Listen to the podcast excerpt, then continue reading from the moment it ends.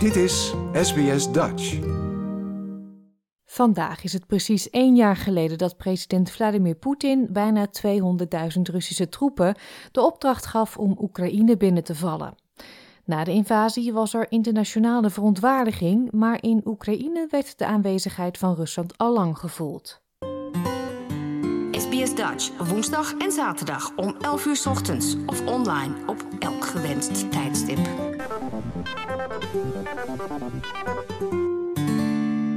Een jaar geleden verklaarde de Russische president Vladimir Poetin dat er een speciale militaire operatie in Oekraïne zou beginnen. Sinds de Russische troepen het land binnenvielen, zijn volgens de Verenigde Naties meer dan 7000 Oekraïense burgers gedood. En uit de laatste cijfers van het Oekraïense ministerie van Defensie zou blijken dat meer dan 130.000 Russen zijn omgekomen in de strijd. Toen op 24 februari 2022 zo'n 190.000 Russische troepen zich verzamelden aan de grens met Oekraïne, was dat de grootste mobilisatie van troepen sinds de Tweede Wereldoorlog. Maar de invasie kwam niet geheel onverwachts voor de Oekraïners. Velen voelden de aanwezigheid van Rusland al langer, die teruggaat tot de gloriedagen van Rusland in de Sovjet-Unie en meer recent de annexatie van de Krim in 2014. Tatjana Pasna vluchtte in maart vorig jaar met haar 13-jarige dochter Anastasia uit Oekraïne naar Australië. Het was een gevaarlijke reis van zes dagen voordat ze uiteindelijk per vliegtuig vanuit Roemenië konden vliegen. I was in shock. Yeah, we go from Ukraine to Australia six days. Uh, it was a long, long travel. Yeah, and very hard, hardest in my life. Yes, very scary. In Ukraine was winter, minus 10, snow everywhere. It's evacuation bus to border to Romania. I was alone with my child. With yes, I cry all this way. Every minute cry, and I never cry so so much, so many time. Ze zegt dat ze al maanden zenuwachtig de invasie zag aankomen. I remember it was terrible time too. Maybe one two months before war people people know a lot of information from um, different countries um, news. Uh, for example my sister lives in australia and she called me one month before war in january and she cry and say war will come. Please uh, take your child take the whole family and go from ukraine please De geschiedenis leert dat Rusland al heel lang Oekraïne wilde inlijven. Die aspiraties gaan terug tot het Sovjet-tijdperk en het Russische imperialisme in het begin van de 20e eeuw. Een van de belangrijkste ervaringen van onderdrukking in Oekraïne was de Holodomor, oftewel de hongersnood in de jaren 30. Daarbij stierven naar schatting 4 tot 8 miljoen mensen. De door mensen veroorzaakte hongersnood, die vorig jaar door het Europees Parlement nog erkend werd als genocide, richtte zich op boeren die tegen de collectieve landbouw van Stalin waren. Op deze manier probeerde Stalin de Oekraïense intellectuelen en ambtenaren te verjagen. De door Rusland bezette Krim in het zuiden van Oekraïne heeft ook zijn eigen geschiedenis van genocide op de Krim-Tataren en meer recentelijk de annexatie van de regio in 2014. Dr. Olga Bojczak is docent digitale studies aan de Universiteit van Sydney. Ze heeft in Oekraïne gewoond en gewerkt en was in 2014 jeugdambassadeur van het land bij de Verenigde Naties. Ze was bij de hoorzitting van de Veiligheidsraad aanwezig toen Rusland zijn veto uitsprak tegen de veroordeling van de annexatie van de Krim. Voor haar een herinnering aan de geschiedenis van eeuwenlange Russificatie in Oekraïne. The annexation of Crimea was deliberately made to look like a non-war event. So there were uh, polite green men. They were they had they were wearing unidentified um, uniforms. They didn't have any insignia on them. Uh, so that was a way to execute this annexation.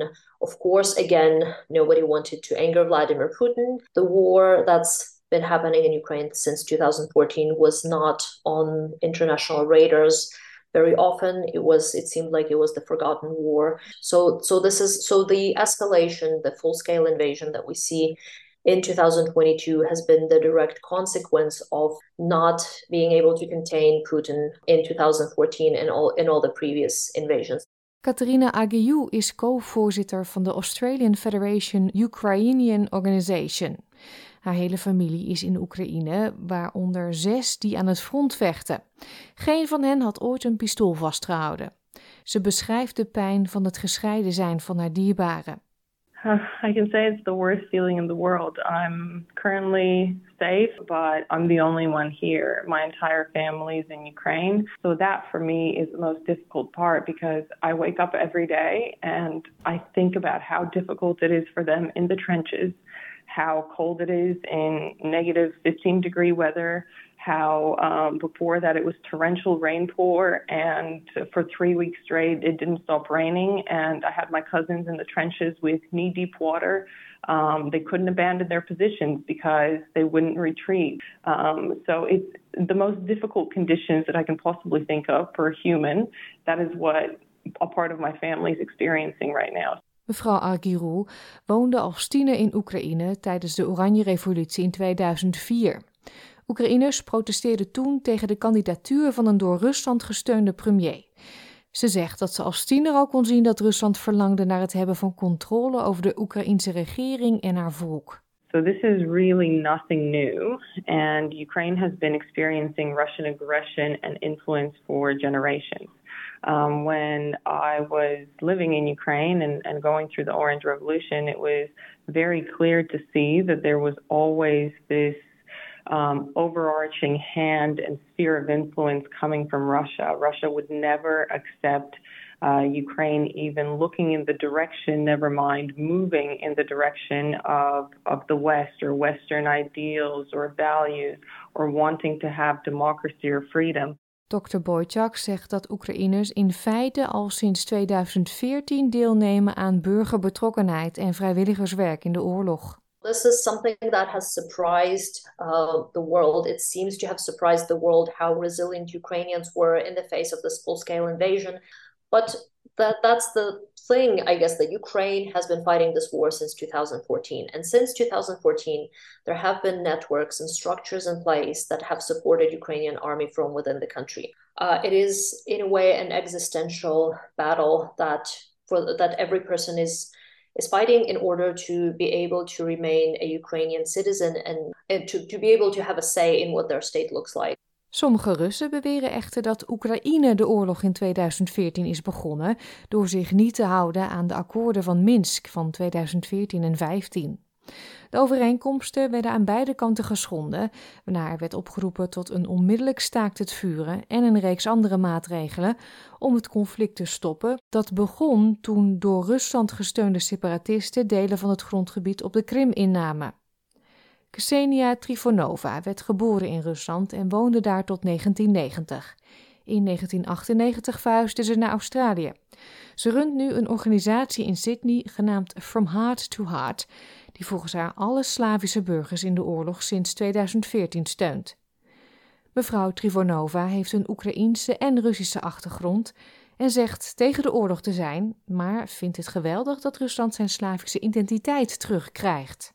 This war it's broke our heart and Russia never started the war. The Russia tried to stop the war by agreement in the Minsk. This is our history roots our history memory. Ukrainian, all cities, it was Russians, even Crimea as well. It was Russian territory before. We want to be uh, together with our Slavic brothers,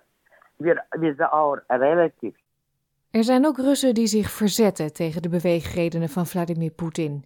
In een voor de autoritaire staat zeldzame beweging kwamen veel Russen samen om te protesteren tegen de gedeeltelijke mobilisatie van burgers in het leger door president Poetin in september vorig jaar.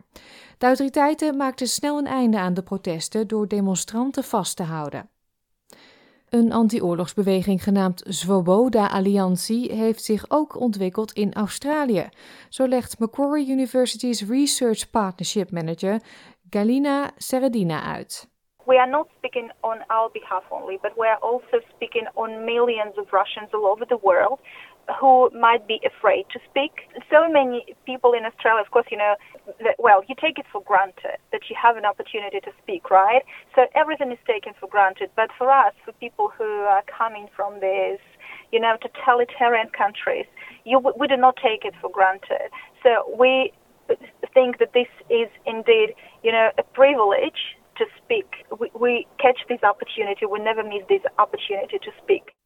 Ze is geboren in Rusland en woonde daar 35 jaar totdat ze vijf jaar geleden naar Australië verhuisde. Mevrouw Seredina en andere in Australië woonachtige Russen richten hun aandacht nu op anti-oorlogslezingen en onderwijs onder de Russische diaspora en Australiërs. Dit verhaal werd geproduceerd door Katriona Stirat in samenwerking met SBS Russisch voor SBS Nieuws en door ons vertaald in het Nederlands. Like, deel, geef je reactie. Volg SBS Dutch op Facebook.